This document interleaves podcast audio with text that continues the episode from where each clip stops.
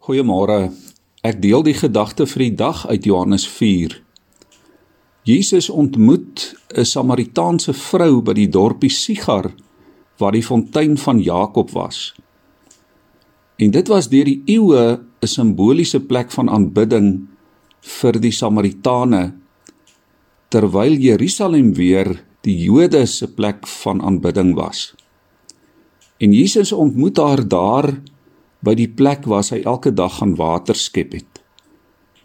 Dit was 'n unieke ontmoeting omdat mans in daardie tyd nie so in die openbaar met vroue gepraat het nie. En boonop was Jesus 'n Jood en sy was 'n Samaritaan. Hulle was veronderstel om vyande te wees.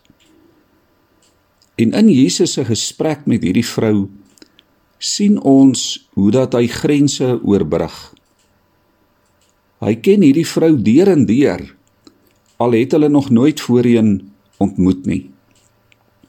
Jesus se woorde in sy optrede raak haar tot in haar diepste siel. So dat sy van Jesus begin getuig en dat die mense van haar dorp in Jesus begin glo.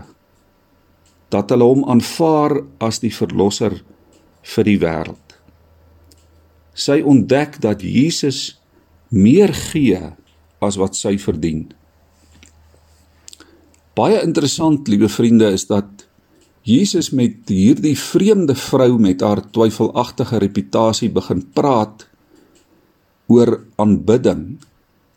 In soveel woorde sê Jesus dit gaan nie oor Jerusalem of die tempel of tradisionele plekke of gewoontes van aanbidding nie. Vers 24 sê hy: God is gees en die wat God aanbid moet hom in die gees en in waarheid aanbid.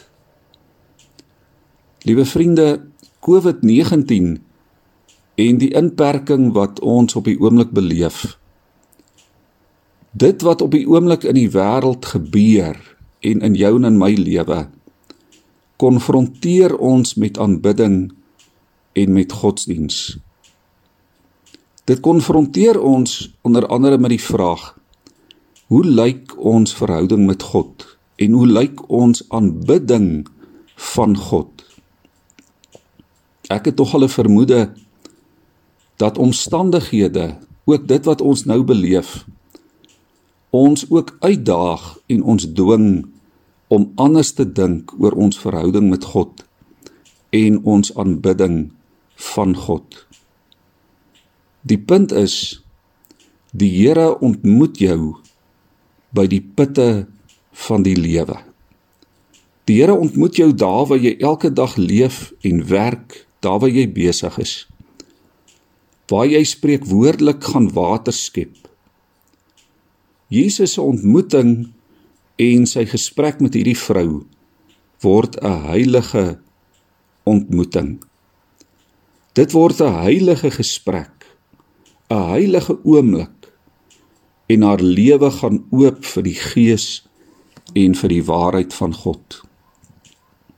Die Here wil jou vandag ontmoet daar waar jy is. Hy ken jou lewe, hy ken jou omstandighede Mag jy daarom vandag bewus wees van God se teenwoordigheid. Mag die Heilige Gees jou lei om die waarheid van God ook vandag duidelik te hoor en te onderskei. Mag jy ware aanbiddingsoomblikke in hierdie dag saam met die Here beleef. Ons bid. Here U kom vandag na ons toe in ons omstandighede. Laat ons u stem duidelik hoor. Laat ons vandag en in hierdie week u teenwoordigheid ervaar. Laat u Gees en u waarheid ons lei, Here, sodat ons u waarlik met ons lewe kan dien en kan aanbid. Amen.